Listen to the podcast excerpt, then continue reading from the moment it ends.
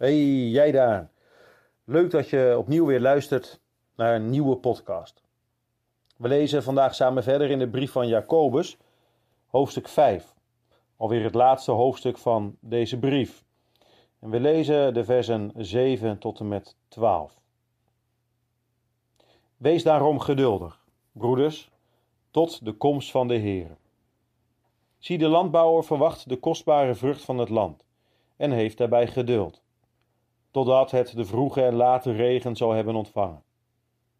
U moet ook geduldig zijn en uw hart versterken, want de komst van de Heere is nabij. Zucht niet tegen elkaar, broeders, opdat u niet veroordeeld wordt. Zie, de rechter staat voor de deur.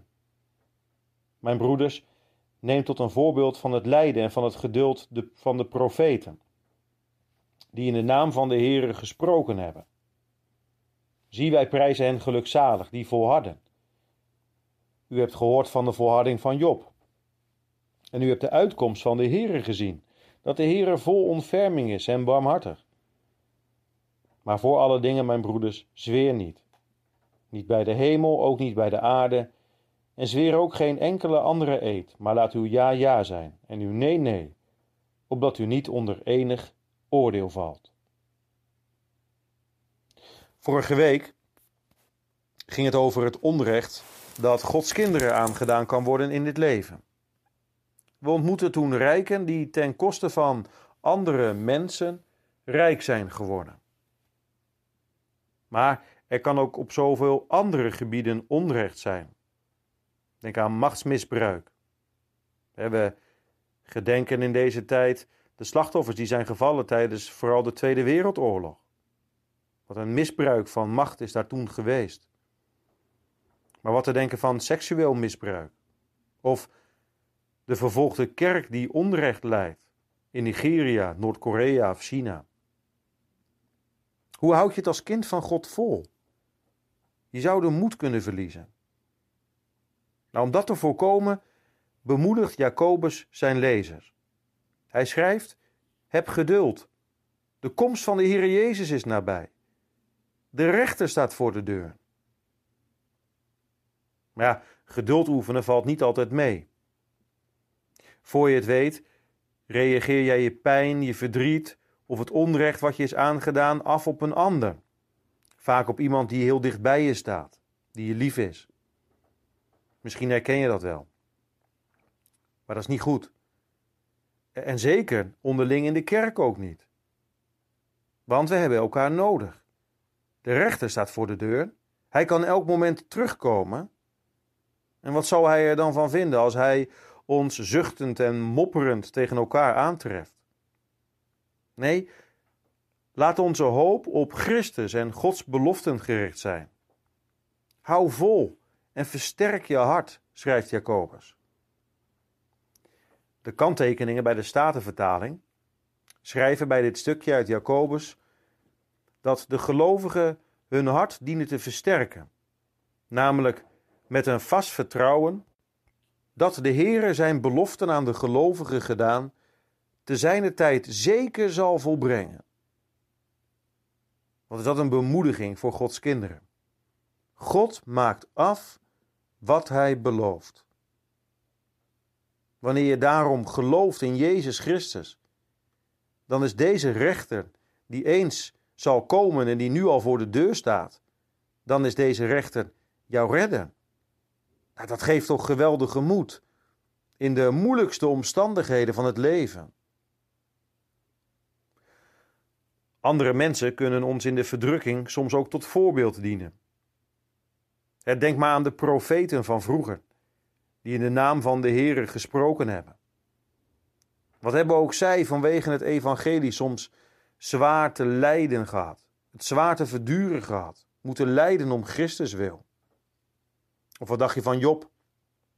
God heeft Job vreselijk veel ellende meegemaakt. Job verloor op één dag bijna alles wat hem lief was.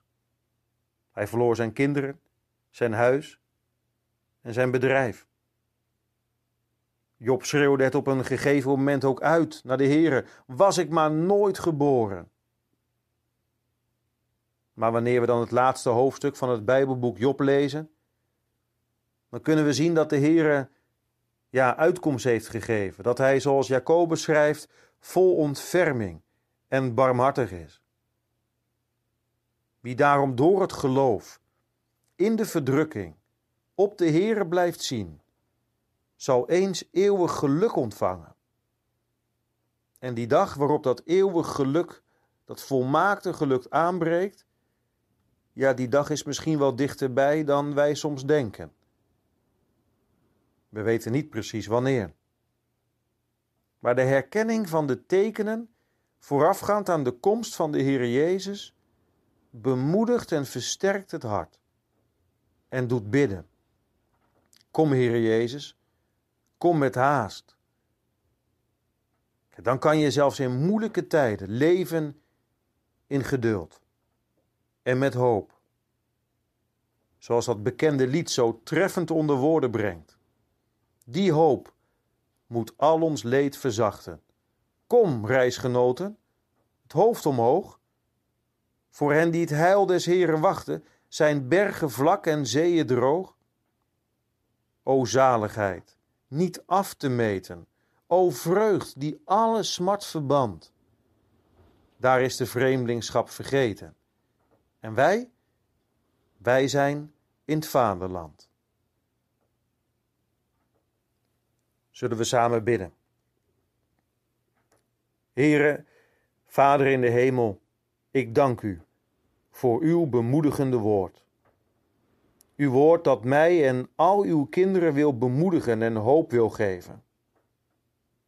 Wilt u zijn met hen die omwille van u onrecht lijden? Wilt u in de moeite ondersteunen? Wilt u recht doen? En wilt u geduld leren? Wilt u ook mij vertroosten met het vooruitzicht dat u eens al het onrecht en de goddelozen zult oordelen? Maar alle gelovigen en uitverkorenen zal u eens kronen met heerlijkheid en eer. Heere, naar die dag zie ik verlangend uit en daarom bid ik. Kom, Heere Jezus, kom met haast. Amen.